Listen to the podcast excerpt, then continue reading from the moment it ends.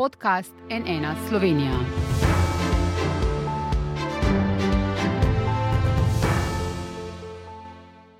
Dober dan, to je NN studio. Mesec in pol po prisegi nove vlade Roberta Goloba se ta v glavnem ukvarja s pripravami na jesen, ki jo bo očitno poleg COVID-a zaznamovala draginja. Prvi ukrepi so znani, cene naftnih derivatov so regulirane, prav tako cene elektrike, sledijo še ukrepi z področja oskrbe s plinom. Kako bomo to občutili državljani, kaj lahko pričakujemo?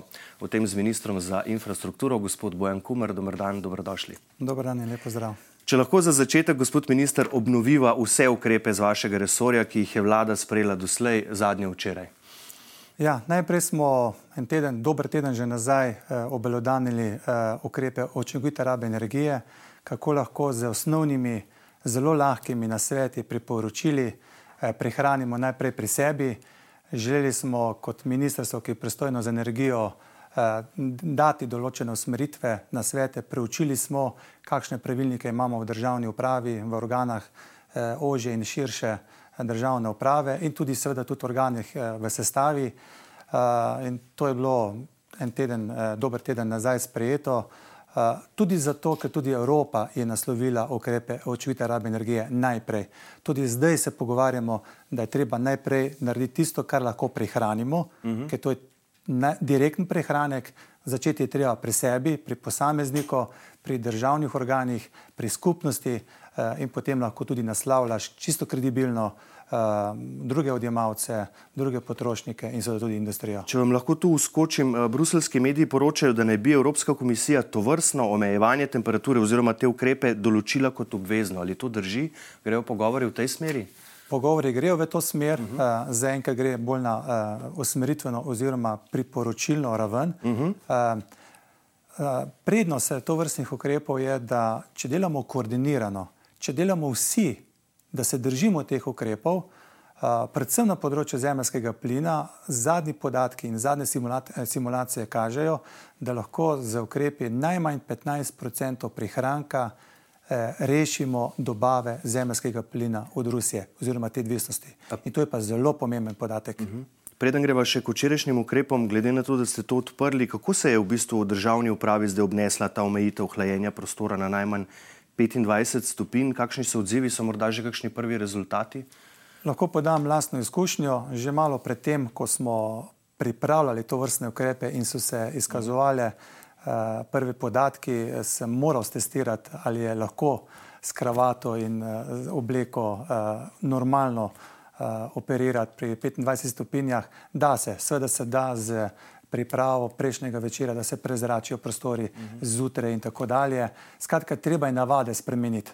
Um, tudi pri ostalih sodelavcih, sploh na našem ministrstvu, je začutiti voljo po teh ukrepih. Vendar to ne gre iz dneva, iz dneva, iz dneva v dan. Ja. Uh, ukrepi veljajo, oziroma so priporočili narave en teden.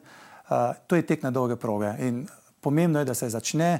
Eh, malo pa pomalo, in ključno pa je, da se navadimo na drugačen režim že zdaj, da ne ohlajujemo preveč nizko, mm -hmm. da bomo lahko potem tudi ne ogrevali preveč uh, visoko. In to je vse skupaj priprava naših navad na ogrevalno sezono. Nimate pa še odzivov iz drugih delov državne uprave? Uh... Imamo mešane odzive mm od tega, da mogoče nežeš izpol uh, zelo pozdravlja to vrstne ukrepe zaradi klime pa mogoče jih malo skrbi zaradi nizkih temperatur po zimi.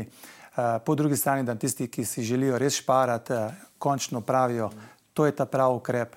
Uh, tako da, ja, uh, kot vedno, vsak ukrep prinaša pluse in minuse, in isto tudi tako. Mi gledamo iz zornega kota pozitivne naslavljenosti to vrstnih ukrepov. Učinke pa pričakujete prve, kdaj take merljive, uh, zaznavne? Um, potrebno je začeti meriti, um, v roku treh do štirih mesecev bodo prvi učinki, uh, tudi zato, ker je treba primerjati za nazaj podatke.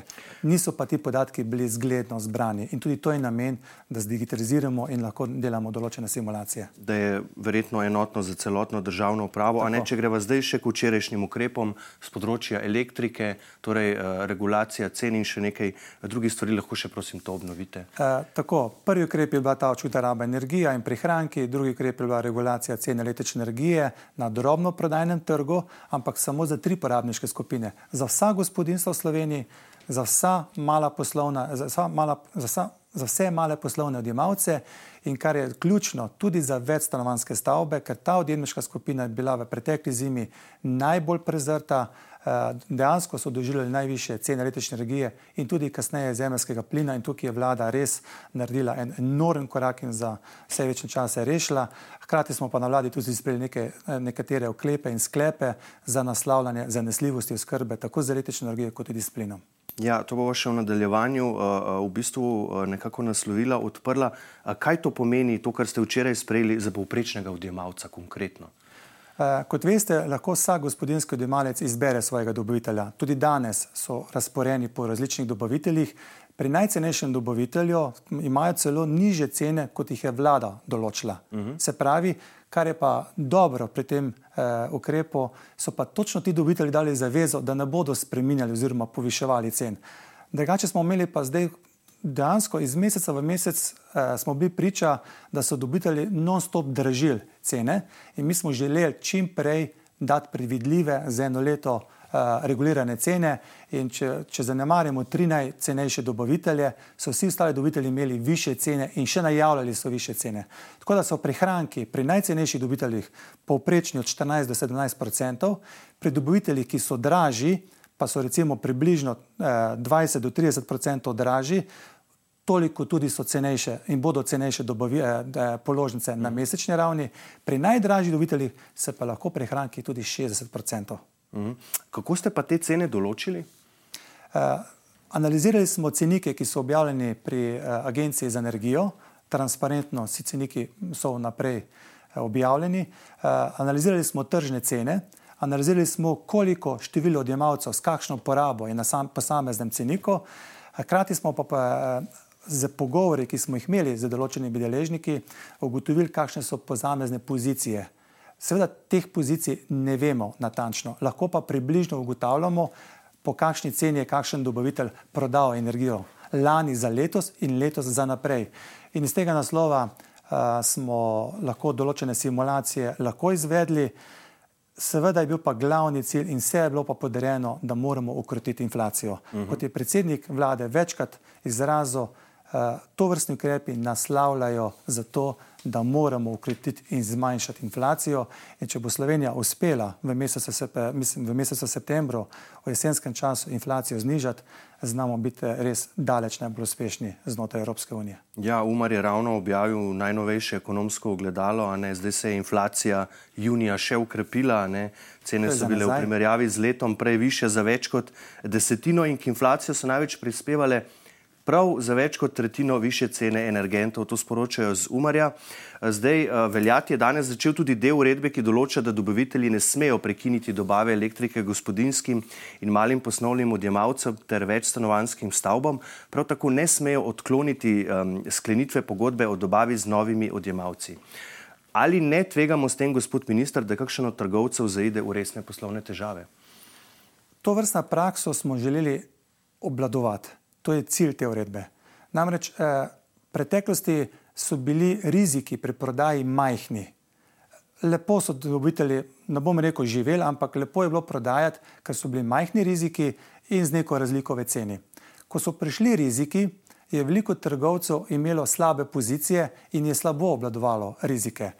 Ironija je bila, da so manjši trgovci eh, oduzemali odjemalce večjim. -hmm. Večji so pa vlagali v infrastrukturo in danes je pokazalo, da tisti, ki vlaga v razvoj, v digitalizacijo, v upravljanje pozicij, tisti danes lahko živijo in so preživeli že časi, ki so bili hudi in še naslavljajo se, da bojo še hujši v jeseni.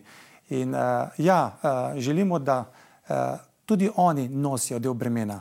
Ne samo odjemalci, ki vendarle imajo više cene, kot so jih imeli, ne vem, dve leta nazaj. Mm -hmm. Tistih cen ni več, ampak daleč, daleč niže cene. Mi imamo komaj tretjino takšne cene, kot so na trgu.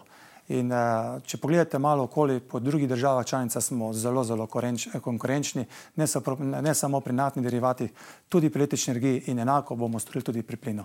Mhm. Zdaj, eh, vlada vam je ob tem tudi naložila, da skupaj s sistemskima operaterjema prenosnega elektroenergetskega sistema ELES in distribucijskega sistema SODO pripravite preventivne in pripravljalne ukrepe za izvajanje kriznih scenarijev oskrbe z elektriko. Ali to pomeni, gospod minister, da pričakujemo resne težave pri oskrbi z elektriko in zakaj in kdaj? Odgovorim vam tako, da se želimo pripraviti na najhujši scenarij. Uh, upamo in delujemo pa tako, da bomo išli z najboljšim scenarijem. To je naša mantra.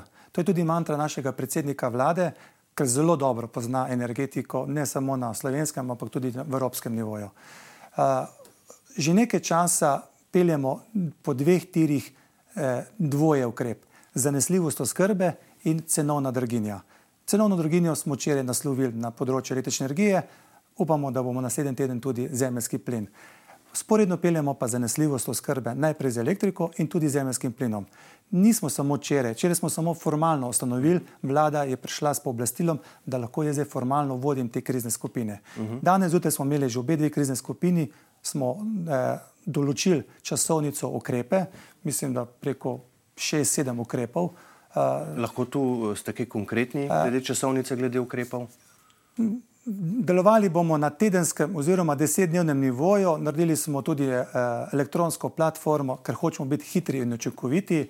Uh, vse to, kar smo zaslutili, da lahko gre na robe, bomo seveda naslovili. Uh mhm. -huh. Kako moramo hitro in učinkovito ravnati, če slučajno res pride do tega. Ampak ne uh, pomirim, Slovenija ima odlično situacijo, kar se tiče električne energije. Imamo skoraj samozadostno proizvodnjo. Uh, Eh, pri plinu je malce drugačne, ampak po, po zanesljivih informacijah, ki jih imamo od plinovodov, sistemskega operaterja, imamo nemoteno dobavo, nič ne kaže, zanesljivo, tehnično, brezhibno plinovodno mreže, ne samo na prenosnem mrežu, tudi na distribucijskem. Pa vendar ne smemo živeti v iluziji, da bo vse v redu v jeseni, ker je severni tok šel v remont, mm -hmm. zdaj se določeni indici pojavljajo, da mogoče ne bo samo deset dni. Zato moramo kot, eh, kot, eh, tudi kot energetiki, ki prihajamo na odgovorne politične položaje, moramo Sloveniji zagotoviti predvidljive in seveda zanesljive razmere. K eh, plinu se še seveda vrnava, ampak na trenutne težave oziroma skrbi podjetnikov glede oskrbe in cen elektrike zelo pogosto odgovarjate, da naj si postavijo sončne elektrarne. Zdaj glede na to, da se samo na postavitev čaka v povprečju vsaj pol leta, ali ni to kratkoročno neučinkovit na svet? Sem lahko malo populističen. Bil sem državni sekretar na začetku prejšnjega mandata, kjer smo z nekaterimi interacijami in popravki zakonskih in podzakonskih aktov dobro nastavili schemo in pospešili solarizacijo v Sloveniji. Prejšnja ekipa bi morala nadaljevati in pripraviti, pa je zmanjkalo in subvencij, pa je zmanjkalo teh ukrepov in spet smo naleteli na določene handikepe, ki jih je treba nasloviti. Tako da ja, eh, daljše še čakalne vrste kot da imamo neko simulacijo oziroma usporednico za zdravstvo, vendar jih direktori oziroma predsedniki uprave distribucijskih podjetij so začeli naslavljati. Distribucijska podjetja, ki so bila v zastavku, pospešujejo. Uh, moramo začeti tudi z srednjeročnimi ukrepi, to pomeni, da uh, distribucijska podjetja morajo začeti vlagati, ker tega, teh, teh projektov ne bo manj, teh bo samo več. Ljudje so si izračunali, ko prvi so se zgradi sončno termo, ko vidi, da so pozitivni ekonomski učinki, ko se jim to splača na srednji rok, ne samo na dolgi rok, uh, potem je odgovor na dlani in je sončna terma absolutno najbolj varna in najbolj donosna naložba. To ne le samo za gospodinskega domaca, tudi za, za malega ali pa srednje velikega podjetnika. Mhm. Premijer Golob tudi napoveduje postavitev velikih tako imenovanih skupnostnih eh, sončnih elektrarn, iz katerih bi se oskrbovala kar do tretjina odjemalcev, pravi eh, tudi, da bo draginja s tem rešena za vekom. Je lahko o teh načrtih poveste kaj več, eh, kje bodo stale te sončne elektrarne, seveda je treba tu še umeščanje v prostor, postiti postopki. Vemo, pri nas v Sloveniji, koliko časa trajajo z vetrnimi elektrarnami, je cel križ, eh, lahko tu Eh, poveste kaj več, kakšni so ti načrti? No, to je pa ukrep, eh, šesti sklep eh, drugo točko včerajšnje seje vlade, kjer že naslavljamo zeleni prehod in srednjeročne ukrepe. Drugače bomo se lotili tovrstnih ukrepov oziroma problemov, ne da bomo od spode na zgor naslavljali in prišli do distributerja po priključek, obratno bomo šli distributer in sistemski operater na prenosnem mrežu bosta dala na voljo. Tukaj se lahko priključite na takšen način in država bo, bo poskrbela, da bo vse to rešeno. Potem bodo pa investitorji prišli in imajo interes, denarja je dovolj, da lahko zgradijo na hiter način uh, velike sončne terne, ki jih bomo dali državljanom. In to more biti javni interes. In če bomo znali upravičiti, in mi menimo, da bomo znali upravičiti, da to je javni interes, ker to bo za državljane, vsaj za tretjino vseh gospodinstv, uh -huh. potem ne vidim težav, da bi takšen zakon, ki bo dajal zakonsko osnovo, prestal parlamentarno proceduro. Tudi za tistimi skupinami, ki mogoče vedno znamo, v Sloveniji pa še posebej, nasprotovati. Ej, nasprotujejo velikim sončnim veternam, lahko je tam, ampak ne zraven mojega. Eh, eh, zemljišča, proti vetrnim elektrarnam, vedno se najde nekdo, ki je proti. Tokrat, ni na to, da naslavljamo energetsko draginjo, zanesljivost skrbe, da naslavljamo za vse večne čase in to je res, potem moramo najti tudi ta družbeno-energetski kompromis. In mi menimo, da ga bomo našli in da bo to predstav solidarnost eh, oziroma parlamentarno proceduro. proceduro. In tudi tukaj gre v, v kontekst nagovora če ste ga mogoče slišali eh, iz eh, državnega zbora, včeraj predsednika vlade, dajmo tukaj politika preseči naše razlike in nekaj dobrega narediti za naše slovence in slovenke. Da, to je nekako pozval tudi opozicijo, da se, da se vam pridruži. Uh, če gremo naprej uh, k plinu, ne, te ukrepe v bistvu še pripravljate, naslednji teden bodo verjetno bolj znani, ampak tudi premijer je že nekako um, v zadnjih dneh nakazal, da bo tudi tu regulacija. Kakšna? Tako je. Um, regulacija cen, seveda. Ne? Regulacija maloprodajnih cen. Um, igramo se z večjimi simulacijami, kako to nasloviti. Tudi tukaj imamo različne porabniške skupine, eh, kako vrednostno verigo, ki je malce drugačna kot pri električni energiji, porazdeliti bremena. Enako bomo želeli eh, določene bremena, da jih ima končni odjemalec, eh, trgovec in seveda tudi država.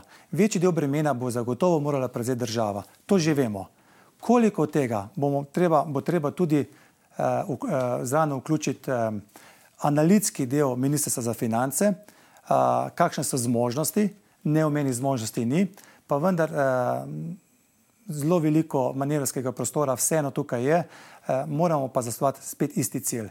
Inflacija, mora biti okretena in se mora znižati. Mhm. Rusija je ta teden zmanjšala dobave plina tako v Avstrijo kot eh, v Nemčijo. Mi večino plina dobimo iz Avstrije. Ali so se tudi dobave v Slovenijo zmanjšale in kakšno je stanje naših skladišč eh, s plinom? Se polnijo ali se praznijo? Videli smo, ne, recimo v Nemčiji so se včeraj praznila. Um, So nihanja iz dneva v dan, zagotovo. Tudi poraba niha skladno z, z vremenskimi okoliščinami. A so manjše dobave? Dobave so manjše, ampak ruskega plina, ki se pa nadomeščajo s kakšnim dnevom ali dnev zamika z tankerji, z dobavo preko LNG terminalov in seveda tudi iz drugih kontinentov. Tako da jaz ne bi gledal dnevne dinamike, gledal bi pa tedenska. In zadnji teden kaže, da dobava ni nič manjša, porast je enako in skladno z um, zavezo, ki jo je dala Evropska komisija, se polnijo vsa skladišča v Evropi. In morajo biti um, konec oktobra na 80% in novembra na 90%. In enako tudi naša zakupena uh -huh. skladišča, res pa je, kot ste pravilno ugotovili, mi nimamo lastnih, zemljišč, eh, lastnih skladišč, eh, imamo pa pogodbeno dogovorene. Vesela novica je pa, ravno včeraj smo v parlamentu potrdili in to s vsemi glasovi ja. za eh, solidarnostni sporazum, eh, ki nam garantira drugačno pot, drugi plin in imamo neko varnost za zaščiten del, za zaščiten segment eh, odjemalcev in to nas nadaja z nekim eh, optimizmom in smo lahko pomirjeni. Ne zadovoljujemo se s tem, želimo dogovor tudi z Avstrijo, tudi s Hrvaško, imamo zelo dober Eh, zelo dobro sočno desko, hkrati želimo pa tudi iz tega vira, ki prihaja iz zahodne smeri, eh, poskrbeti za vsaj srednji in pa večji segment poslovnih odjemalcev. To je bilo ravno moje naslednje vprašanje, ne? glede tega sporozuma med Slovenijo in Italijo, ki je zdaj pač sprejet. Kaj konkretno to pomeni ta, ta solidarnost? Ne? Sej mi verjetno Italiji, ki dosti ne moremo pomagati, ne? oni pa nam lahko. V bistvu ne boste boste presenečeni, zelo veliko lahko Italiji pomagamo. Ja? Vsi zgodovinski podatki kažejo, da večino elektrike, iz, mislim, da največ elektrike, ki jo Slovenija izvozi, jo izvozi v Italijo. Uh mhm. -huh. Italija ima velik procent ali pa velik od, eh, delež proizvodnje električne energije na plin. Uh mhm. -huh. In če lahko dosežemo neko nadgradnjo tako imenovanega solidarnostnega sporozuma, ker mi imamo krško nuklearko, mi imamo določene rezerve, ki niso aktivirane, govorimo o plinskih elektrarnah v Brestanici, imamo tudi mirujočo elektrarno, pa jo vendar še vedno lahko aktiviramo v trbovljah. Torej, če mi izvažamo elektriko, hkrati pa Italija prihrani pri svoji proizvodni plina in ga mi dobimo dodatno nazaj v Slovenijo, gre za naraven eh, medenergenski, eh, medenergensko izmenjavo. Uh -huh. In to je ta solidarnost. Naš predsednik vlade je z predsednico Evropske komisije eh, ravno to dogovoril. Dajmo biti res solidarni. Evropa sloni na solidarnosti bila je ustanovljena na solidarnosti in uh, res bo vzel, mislim, ni, ni več prostora, da država članica sama naslavlja lastne probleme. Imamo 27 problemov. Mm. Boljše je, da smo koordinirani, da skupaj naslavljamo problem. Namreč rešitev, ki, jo, ki je zelo nadlani, če si zmanjšamo za 15% prostovoljno s prihranki, z drugačnimi ukrepi, Eh, da si tako izmenjujemo energente. Ena država članica ima več proizvodne elektrike, druga plin, druga ima premoga več. Če vse to lahko koordinirano, pravočasno naredimo v zdajšnjih mesecih pred zimo, ne rabimo ruskega plina.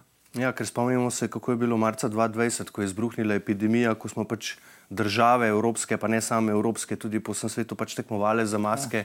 in za druge stvari. Tam ni bilo nobene solidarnosti, pri cepivih tudi bolj tako, tako, a ne tu so predvsem države tretjega sveta potem potegnile kratko.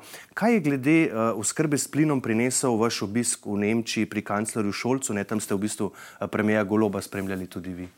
Res je, en velik del uh, izmenjave stališč, uh, mnen uh, je bilo posvečeno energetskemu delu. Mhm. Um, um, izmenjava je potekala, kako nasloviti uh, kratkoročne in pa srednjeročne ukrepe, kako, Nemčija, kako se Nemčija spopada uh, pri naslavljanju draginje, tako pri gospodarstvu, kot uh, pri uh, naslavljanju s prebivalstvom, kaj Slovenija počne, mm. kje lahko tukaj zgodovinsko zelo dobri prijateljici rešita zagato ali pa izziv, ki ga imata skoraj enakega.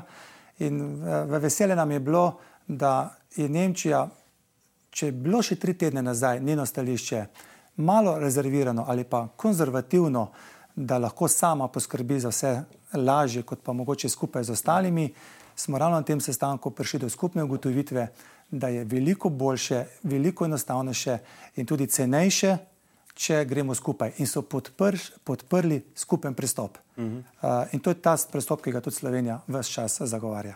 Zdaj, pri koncu sva uh, morda nek splošen svet za ljudi. Ne rekli ste, uh, uh, če bomo vsi skupaj prevrčevali 15 odstotkov, se to že veliko pozna v Evropi, a ne. Uh, uh, vendarle smo v nekem kriznem obdobju. Kaj priporočate ljudem glede uh, vrčevanja z energijo? Kaj lahko jaz naredim?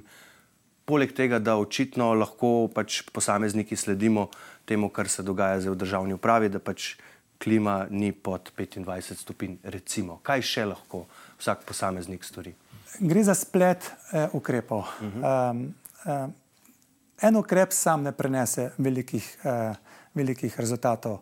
Eh, če se odpovemo ali pa spremenimo navade, določena akomoditeta, na katero smo se zelo navadili, eh, da zvišamo temperaturo eh, poleti, da znižamo po zimi, eh, da smo, da smo premišljeni, kaj počnemo, da smo pri mobilnosti varčni, da delamo mogoče, kadar je možno, delo od doma, um, potem, uh, da kupujemo varčne aparate, če je le možno, da izkoristimo vse subvencije. Veliko je teh ukrepov, splet vsega tega lahko prihranimo minimalno ali pa vsaj do 10%. Ostalo od 10 naprej se pa začne ali imamo dovolj varčne eh, ovoje stavb, eh, ali imamo dovolj varčen oziroma vzdrževan sistem ogrevanja, sistem ohlajevanja. Tudi tukaj se je pokazalo, tudi pri nas, da smo premalo vlagali v vzdrževanje, da smo premalo imeli ta, eh, temperaturo, recimo, jaz temu rečem, histereza nastavljanja. Ne da takoj, ko nam je vroče, da takoj znižamo in obratno. Je treba te prehode zagotoviti bolj mehke uh -huh. in tako dalje. Določene ukrepi so tudi reorganizacijski, da prej, prej pridemo v službo, prej gremo. Seveda tam, kjer je to mogoče, uh, kodeks oblačen, naprimer, in ravno tako na takšne, takšne ukrepe. Pa lahko glede na te ukrepe še pričakujemo kakšne nove subvencije ali je. Eh, to vrstnim ukrepom bodo sledile zagotovo tudi subvencije oziroma spodbude. Uh -huh. želimo, eh, želimo poskrbeti, da bi, ko bomo nadomeščali vir ogrevanja z virom, ki je učinkovitejši in, in, in je hkrati tudi zelen, eh, da dobi primerno spodbudo. Ponovno smo oživili spodbude za toplotne črpalke, nekaj tri ali štiri tedne še nazaj. Eh, delamo na tem, da bi uh, sončne elektrane spodbudili, sedaj ne s tako velikimi subvencijami, pa vendarle, da bi jih uh, potem ravno tako iščemo spodbude iz mehanizma Repower. Tako da ja, uh, do jeseni se bomo tudi to vrstnem ukrepom zelo posvetili. In mi bomo to seveda pozorno spremljali in upajmo seveda, da se bova jeseni lahko pogovarjala še o zadnjih uh, vladnih ukrepih. Za danes pa spoštovani gospod minister, gospod Kumar, najlepša hvala za obisk. Hvala tudi vam. Hvala pa tudi vam za vašo pozornost. Seveda vse informacije v zvezi z ukrepi na področju draginje spremljamo na naši spletni strani nnainfo.si, zato jo seveda obiščite. Iz studija pa še le lep pozdrav in nasvidenje.